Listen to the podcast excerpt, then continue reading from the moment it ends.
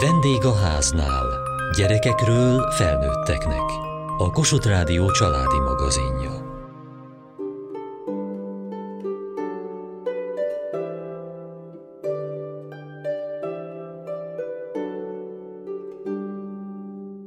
Rengeteg változás, feszültség és zűrös ügyek, melyekkel az iskolák küzdenek az utóbbi időben. Hogyan támogathatják az iskolában jelenlévőket az iskolapszichológusok? Mit jelent számukra a reziliencia, vagyis a rugalmas megküzdés? S hol kaphatnak ők segítséget? Szegeden jártunk az iskolapszichológusok konferenciáján.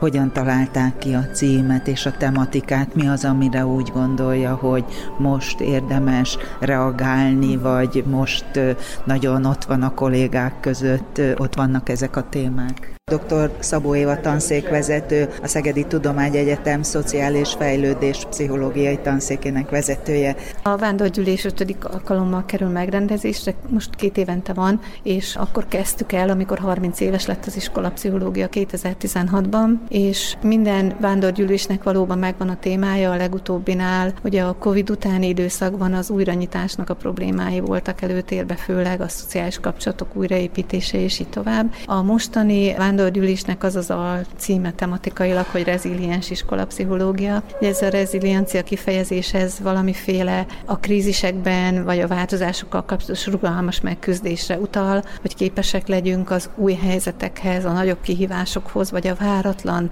kihívásokhoz is valamiképpen hozzá kapcsolódni, és hát azért most a pedagógus társadalomnak a, a lelki állapota nem a legnyugodtabb. Úgy kezdjük ezt az évet, hogy jó néhány iskolában nagyon nagy gond a felmondja mondjak, nem mondjak kérdést, tehát egyfajta krízisben kezd egy csomó iskola, és azért ebben a helyzetben az iskolapszichológusoknak is nem baj, hogyha van muníció, úgyhogy ezért több olyan műhely is van, amiben kifejezetten azzal a kérdéssel foglalkozunk, hogy amikor nehéz helyzetbe kerül egy iskolapszichológus, akkor ő hogyan léphet, ő hova fordulhat, ő kitől kap segítséget, tehát hogy mikor lesz ő reziliens megküzdő. Ez az egyik szál, a másik, hogy elég sok gondot okoz az iskolákban által az agresszió, az olyan viselkedésformák, amik nem újak, de talán például a social média használatban új lehetőséget kapnak, mint az aklatás, vagy a másik gyereknek a bántása, és hogy ezek a helyzetek ne tabuként kerüljenek be a gondolkodásunkba, hogy ezekről lehessen beszélni, hasonlóképpen az öngyilkosság téma, ami szintén inkább egy ilyen szorongás is tabu, hogy csak nehogy ilyen legyen. Ez is sajnos előfordul, gyerekek a legkülönbözőbb okokból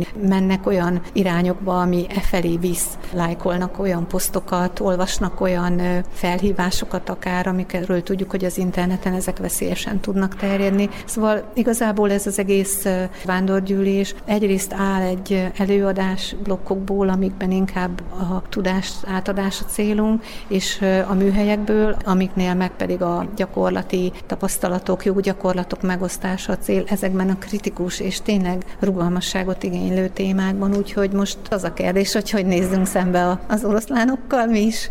És hová fordulhatnak az iskolapszichológusok? Az iskolapszichológusok támogatására a 2013-as köznevelési törvény ad egy olyan támpontot, ami egy teljesen új dolog, hogy az úgynevezett szakszolgálatokban, amit mindenki tud, ezek a pedagógiai szakszolgálatok, van egy olyan funkció, hogy iskolapszichológus koordinátor, ez elvileg minden tankerületben létezik. Neki pontosan az a feladata, hogy szakmai támogatást nyújtson az ő tankerületében, az iskolákban, óvodákban dolgozó pszichológusoknak. Ez egy lehetőség. Aztán létezik az iskolapszichológus országos módszertani bázis, ami tulajdonképpen az iskolapszichológia születése óta 1986 óta létezik, és itt minden hónapban egyszer egy továbbképzési lehetőség van az iskolapszichológusok számára, ami egyrészt egy tudományos és ismereteket bővítő, másrészt ott is személyis találkozásokra van lehetőség. Vannak vidéken, Debrecenben is és Szegeden is olyan szakmai csoportok, akik szintén havi rendszerességgel összetalálkoznak, esetekről, problémákról gondolkodnak közösen, és hát itt van a vándorgyűlés, ami két évente van, de ilyenkor azért próbálunk nagyon sok muníciót adni az iskolapszichológusoknak, úgyhogy egy eléggé szoros szakmai hálózatban dolgozunk.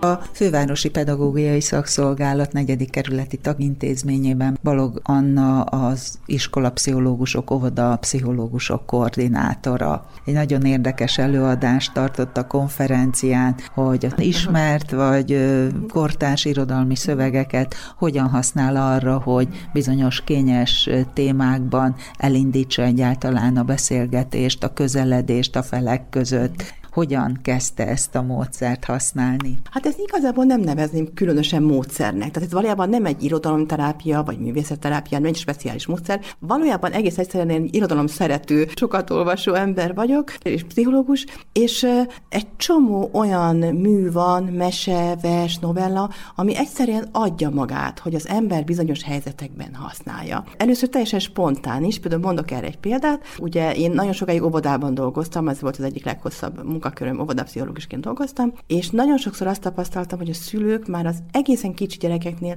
rendkívüli módon aggódnak azzal, hogy mi lesz, amikor a gyerek iskolába kerül, melyikbe fogják fölvenni, hogyan fogja elvégezni, és szinte már óvodáskorban azon aggódnak, hogy be fog-e kerülni majd valamelyik jó egyetemre. Tényleg.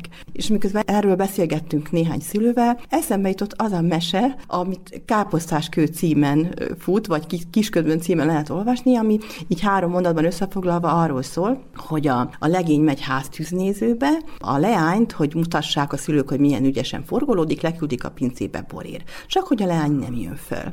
Lemegy az anyuka, ő is ott ragad. Lemegy az apa, ő is ott ragad. A legény nem ért semmit, lemegy utánuk, ott sírnak, mint az áporeső, mint a hárman, és azon sírnak, hogy ha ők megesküsznek, a lány meg a legény, születik egy kisfiúk, az lemegy a pincébe játszani, de majd ott van egy nagy káposztáskő a polcon, az ráesik, és agyonüti, vagy valami nagy baj lesz belőle. És ennyire előre aggódtak valami, valószínűleg soha meg nem történő dolgon. Úgyhogy ez a mese például nagyon alkalmas arra, hogy a szülőket egy kicsit megnevettesse, önreflexióra késztesse, hogy tényleg mennyire előre aggódnak, és mennyire fölösleges, és mennyire megterhelő az ilyenfajta aggódás, és akkor lehet erről tovább beszélgetni, hogy majd ráérnek egy csomó mindenről később gondolkodni, most élvezzék a boldog gyerekkort, a gyereknek a mostani fejlődését, és nem kell ennyire előre aggódni. És ugye ez összefügg azzal is, hogy mennyire kell fejleszteni a gyereket. Most pont az az időszak van, most ugye ősz van, és kell dönteniük a szülőknek erről, hogy vigyék-e iskolába a gyermeket, vagy beadjanak kérelmet a halasztásra. És ugye erről egyéni konzultációk is vannak, meg szülői értekezletek, szülői fórumok is, ahol ezt mind át kell gondolni. És hát régebben azt tapasztaltuk, hogy inkább azon aggódnak a szülők, hogyha az azt mondják a szakemberek, hogy ne menjen még iskolába, hiszen akkor valami baj van a gyerekkel. Most pedig ez egy óriásit fordult az elmúlt 10-20 évben, és sokszor azon aggódnak a, a szülők, hogyha azt mondjuk, hogy menjen a gyerek, hiszen talpra esett, ügyes, teljesen érett, de mégis nagyon féltik. Ami részben érthető, részben meg túlzott aggódás, és ilyenkor van mondjuk olyan, hogy elviszik egy fejlesztő központba, hogy még plusz mérjék föl. Mérjék meg hány százalékos a gyereknek. Ez a készsége, az a kompetenciája. Ebből persze az van, hogy mindenkinél ki lehet mutatni, hogy hát nem száz százalékos, senki nem száz százalékos, a legügyesebb gyerek, sőt, legügyesebb felnőtt sem. Tehát kijön, hogy 70-80 százalékos, ezt még fejleszteni kéne, holott lehet, hogy ez nagyon-nagyon fölösleges, hiszen a gyerek, ha harmonikusan fejlődik, hogyha a család is, meg az óvoda is azt látja, hogy alapvetően jól fejlődik, jól érzi magát, aktív, akkor ezek nem, nem szükségesek, és akkor ilyenkor például elő lehet venni mondjuk a kishercegből azt a fejezetet, amikor arról beszél az író, hogy a felnőttek nagyon szeretik a számokat, hogy nem elég nekik, ha azt mondjuk, hogy láttam egy házat gyönyörű galambokkal, szép piros muskátlikkal, hanem el kell mondani, hogy az hány százezer frankba került. Vagy pedig, hogyha beszélünk a barátunkról, akkor nem azt kérdezik, hogy, hogy milyen a nevetése, milyen a mosolya, mit szeret játszani, milyen a hangja, meg a haja színe, hanem azt kérdezik, hogy hány éves, hány kiló, hány centi, hány forintot keres a papája. És akkor azt hiszik, hogy tudnak tudnak róla valamit. Tehát, hogy ilyen fajta, ilyen játékos szembesítésekkel lehet egy kicsit a szülőknek vagy a felnőttnek az attitűdjét egy kicsit befolyásolni, hogy, hogy engedjenek a, a szorongásból. És milyen hatása van ezeknek a szövegeknek? Hát többnyire olyat választok nyilván, meg olyan jut eszembe, ami azért nagyon szellemes, nagyon, tehát irodalmilag is rendkívül igényes szövegek, ugye ezek, de ugyanakkor meg nagyon humoros, nagyon könnyen érthető, ahogy ezeket a példákat is elmondtam.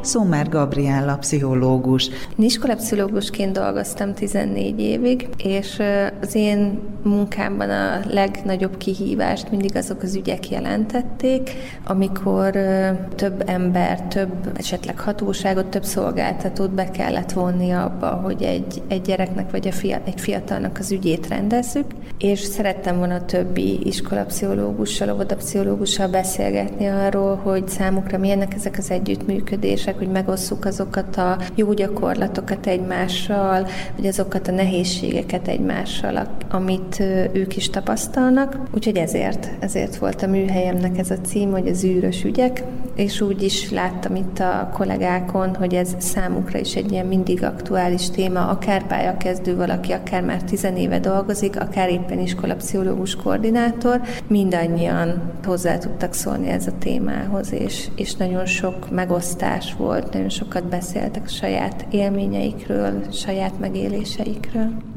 Itt hallottunk a nap folyamán olyasmit is, hogy eleve felismerni, hogy ez már egy olyan ügy, ahol valaki másnak a bevonására is szükség van, már addig is eltelik egy út és idő. Igen, én azt gondolom, hogy alapvetően a jogszabályok viszonylag egyértelműen fogalmaznak, mondjuk a gyermekvédelmi jelzés kapcsán, vagy a jelzési kötelezettség kapcsán, ugyanakkor a gyakorlatban ezek nem feltétlenül ilyen egyszerű, úgymond egyszerűen leírható dolgok, hogy mikor jön el az a pont, amikor úgy látja a pszichológus, vagy úgy látja az iskola, hogy jelzést kell tenni. És ezért nagyon fontos szerintem a, az intézményvezetővel való együttműködés, vagy a gyermekjóléti szolgálattal való együttműködés, hogy ismerjem őket, tudjak tőlük tanácsot kérni egy-egy adott ügyben, illetve itt ugye nagyon fontos az iskolai óvodai segítővel való közös munka. Ugye most már egy jó pár éve iskolai óvodai segítők dolgoznak az intézményekben, akik a gyermekjóléti központnál vannak alkalmazásban, és pont az a feladatuk, hogy segítsék az intézményeket abban, hogy a gyermekvédelmi feladataikat minél jobban el tudják látni. És ez az tapasztalat, hogy ez az együttműködés, vagy ez a segítés, ez, ez jól működik? Vegyesek a tapasztalatok, de én most azért azt hallottam a kollégáktól, hogy, hogy sok helyen ezek ilyen mintaszerűek, tehát nagyon jól együtt tudnak működni, nagyon jó közös programokat tudnak szervezni az iskolában, foglalkozást tartani együtt, és a nehéz eseteket pedig közösen megoldani. Úgyhogy igen, igen, sok jó tapasztalat is van. Mi az, ami nehéz esetnek számít? Hát azok az esetek, amikor valamilyen súlyos pszichés tünet van a gyermeknél vagy fiatalnál, azok egyértelműen nehéz esetek, hogyha veszélyeztetés van a család részéről, hogyha bántalmazást tapasztalunk, hogyha önbántalmazást tapasztalunk, vagy a fiatal önmagát veszélyezteti valamilyen szerhasználattal, vagy valamilyen olyan viselkedéses problémával, ami már veszélyeztetésnek minősül. És ugye a veszélyeztetésnek az önveszélyeztetés is része, tehát ebben az esetben is jelzési kötelezettségünk van. És akkor itt mégis van egy dilemma, hogy mi az a pont tényleg, amíg ez a család felelőssége és jogköre, és mikor kell intézményesen vagy a szakember részéről beavatkozni. Igen, igen, ez, ez mindig egy, minden ilyen esetnél valamilyen dilemmát jelent a segítő szakembernek, nem azért, mert ne lennének meg ennek az egyértelmű jogszabályi előírásai, hanem azért, mert itt azért a bizalmat és a, a további együttműködést ezt meg tudja nehezíteni, hogyha akár a kliens, akár a család elveszíti a szakemberben a bizalmát. Ez itt, itt nagyon fontos egy tiszta kommunikáció, egy nyílt kommunikáció például a család család felé elmondani azt, hogy jelzést tettem, mert ez a kötelességem. Sok ilyesmivel találkozott? Hát azért a tizen év alatt igen, igen, igen, jó pár ilyen esettel találkoztam. Lehet ebben edződni, vagy ebben ö, olyan gyakorlatot, rutint szerezni, vagy minden egyes új helyzet az ö, új végiggondolást kíván? Valamilyen módon lehet rutint szerezni, de ez nem azt jelenti, hogy ne lennének megterhelőek ezek az esetek. Lelki szempontból mindenképpen az, és ezért azt gondolom, hogy nagyon fontos a, a szupervízió, meg a szakmai együttműködés a többi iskolapszichológussal, meg az iskolapszichológus koordinátorral. Azt jelezték vissza itt a kollégák, hogy ami nagyon jól működik, és ami számukra nagyon nagy megtartó erőt jelent, az a, az, az iskola óvoda pszichológus közösség, amiknek ők részei.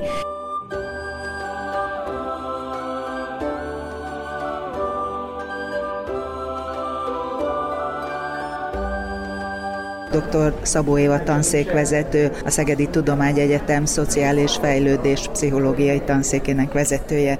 A tanári kiégés az egy eléggé, ma már azt lehet mondani, hétköznapi probléma, egyáltalán nem ritka, nem lehet azt mondani, hogy csak bizonyos tanárokra jellemző, azt lehet mondani, hogy nagyon-nagyon kevés olyan tanár van ma már, akire nem, valamilyen szinten nem jellemző. Tényleg nagyon szomorúan láttam azt már iskolapszichológus koromban is, hogy ez a kiégés dolog, ez egész fiatalon is létrejöhet tehát nem csak az éveken múlik, és most már mióta kutatom, tudom is, hogy a tudományos kutatások is nagyon vegyes eredményeket találnak az életkor, meg a kiégés között. A legveszélyeztetebbek a pályakezdők, és a, a középhadnak a vége, tehát akik még nem mennek nyugdíjba, meg nem mehetnek még el nyugdíjba, de már elég sokat dolgoztak. Aki már a legesleg végén van, az gyakran nem. Ugyanakkor van olyan eredmény is, ami pont a fordítottját mutatja, hogy pont a legidősebbek égettek. Van, aki a derékhadat találja. Tehát úgy tűnik, hogy se nem a nemen, se nem az életkoron, se nem azon múlik, hogy mit tanít valaki, vagy hanyadikosokat tanít, egészen más tényezők befolyásolják ezt. És mik ezek? Hát nagyon összetett az, hogy min múlik ez. Én most egy nagy kutatásban ezt vizsgálom többek között éppen, de az egyik ilyen nagyon fontos tényező, hogy vannak bizonyos munkahely és személyiség összenemillések. Hát magyarul, ha nagyon leegyszerűsítem, azt mondanám, hogy akinek ez nem való. Lehet, hogy ő szerette a matematikát, a kémiát, vagy a fizikát, és ezért matek, vagy kémia, vagy fizika tanár lett, vagy magyar tanár, mindegy, de az a valami plusz, ami ahhoz kell, hogy ő sikeresnek érezze magát a tanári pályán, hogy át is tudja adni a tudást, az például ő belőle hiányzik valahogyan. És van ennek egy olyan része ennek a szakmának, ami szerintem nem könnyen tanítható, vagy nem is tanítható. Ha az nincs meg, akkor lehet bármilyen jól képzett, okos, intelligens, tárgyát jól ismerő, valahogy nem megy át, valahogy nem találja. Aztán ez az egyik ilyen szerintem nagyon komoly ok, hogy mégsem vált, hogy mégsem megy el, pedig érzi, hogy ez nem az ő ruhája, ez nem neki való annyira. Aztán a másik ilyen nagyon fontos dolog, hogyha valaki nem tudja jól kezelni azt a rendkívül változó környezetet, ami az iskola maga. Nem csak azt értem itt az alatt, hogy változnak a törvények, meg a szabályok, amik befolyásolják az életét, mondjuk ez egy külön történet egyébként, de hogy nagyon sok pedagógussal találkozom, akik szeretnék, hogyha ma olyan diákok ülnének a padba, mint akikről annyi lasmisit mintázták, aki még minden áron debreceni diák akart lenni. Most ez teljesen kiveszett mára. Megváltozott a világ, mások az értékek, más tiszt, most is tisztelnek a gyerekek, csak más dolgokat, és aki ebben a például ezt a változást nem tudja rugalmasan követni, az egy ilyen keserű nosztalgiázásba kerül, amiben én már 1986 óta dolgozom, iskolapszichológusként dolgoztam, kezdett 5 évig, és már akkor mindig azt hallottam, hogy folyamatosan romlik a gyerekanyag. Tehát, hogy nem akarják tudomásul venni, hogy lehet, hogy ez más, mint ezelőtt volt, mint amihez hozzászoktak, de nem a gyerekek fognak idomulni a helyzethez, hanem a pedagógusnak kell új eszközöket találni. És bizony ez azért egy nagyon fárasztó dolog. Akinek ez nem sikerül, az csalódottá válik, mert egyre kevésbé érzi magát sikeresnek, és minden kutatás azt mutatja, hogy, hogy az én hatékonyság, tehát hogy mennyire érzi azt, hogy ő jól működik ebbe a helyzetbe, ez egy kulcs tényező a kiégés szempontjából. És a legsúlyosabb kérdés, ami egy olyan a legújabb újabb kutatásaim ezzel foglalkoznak, és még az elején vagyok az adatok feldolgozásának, de 1800 tanár véleménye is, is adatai vannak a birtokomban ezzel kapcsolatban. Nagyon úgy tűnik, hogy a tanári kiégést borzasztó erősen meghatározza az a feszültség, amit ők éreznek a saját munkájuk társadalmi hasznossága és társadalmi megbecsülésének hiánya között. Minél nagyobb ez a feszültség, úgy tűnik annál nagyobb a kiégés, és ez különösen azért fontos, mert a tanárok többsége, legalábbis akiket én vizsgáltam, ez az 1800 tanár, nagyon erős tanári elkötelezettséggel rendelkezik, tehát neki fontos, hogy ő tanár. Ezért nagyon rosszul esik neki, hogy bár a munkája fontos, és ez el is hangzik sokszor, hogy ők nevelik a jövőt, meg rajtuk áll, hogy milyenek leszünk, stb., hogy valójában azt érzik, hogy sem a szülők, sem gazdasági értelemben a társadalom vagy a politikai vezetők. Adott esetben, és ez minden érában így volt, nem becsülik meg kellőképpen ezt a munkát. Ezt a feszültséget napi szinten kezelni, ez egy nagyon nehéz feladat, és valószínűleg nem is egyénnek kéne ezen elgondolkodni, hanem azoknak, akik erről tehetnek valamit milyen eszközök állnak rendelkezésre az iskolapszichológusok számára, hogy ott legyenek, jelen legyenek, lehessen mhm. hozzájuk fordulni, és ők tudjanak itt valami támogatást, kísérést nyújtani? Nagyon jó lehetőségei vannak erre egy iskolapszichológusnak, alapvetően nem direkt tudja ezt csinálni. Ugye az, hogy egyénileg üljön le a kiég is veszélyeztetett pedagógussal, és az ő egyéni hozzáállását befolyásolja, az is egy lehetőség. Maga a társas támogatás, hogy egy pedagógus pszichológus oda tudjon fordulni egy iskolapszichológushoz, és azt tudja neki mondani, hogy figyelj, az előző órán, mit tudom én, nagyon olyan helyzettel találkoztam, amit nem tudtam megoldani, vagy érzem, hogy nem így kellett volna, de ott is akkor nem, és most hogy érzem ettől magam, és ezt konkrétan meg lehet beszélni, és a pszichológus nem ítélkezik, nem gondolja, hogy ő ettől rossz tanár, sőt a pszichológus ilyenkor gondolja azt, hogy egy nagyon igényes tanár ül szembe, aki szeretné a következő helyzetet jobban megoldani, tehát meg tudja támogatni abban, hogy milyen fontos az, hogy ezt felismerte, hogy, hogy most adott esetben nem jól reagált egy helyzetre, vagy nem tudta, hogy kezelje jobban ennél a helyzetet, és ő sem elégedett ezzel. Tehát ezek az egyéni tanácsadások is nagyon hatékonyak tudnak lenni. De ami sokkal fontosabb, én legalábbis mindig annak a híve vagyok, hogy a megelőzés oldaláról közelítsünk. Minden olyan közös beszélgetés, eset-szituáció megbeszélés, ami nem az aktuál problémákhoz kötődik, hanem ami mindenkit érint, ami sokaknak van. Egyfajta pszichoedikáció az nagyon sokat segíthet, hogy egy pedagógus saját maga már átgondolja azt, hogy ő hogyan fog jobban egy adott helyzetben. Tehát meg tudjuk tanítani, támogatni tudjuk a pedagógust abba, hogy hatékonyabb legyen a teremben.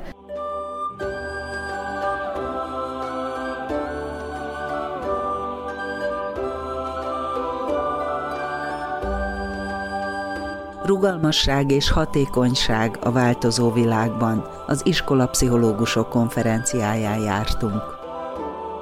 Kövessék műsorunkat podcaston, vagy keressék adásainkat a mediaclick.hu internetes oldalon. Várjuk leveleiket a vendégháznál kukac mtva.hu e-mail címen. Műsorunk témáiról a Kossuth Rádió Facebook oldalán is olvashatnak. Elhangzott a vendégháznál. A szerkesztő riporter Szendrei Edit, a gyártásvezető Mali Andrea, a felelős szerkesztő Hegyesi Gabriella.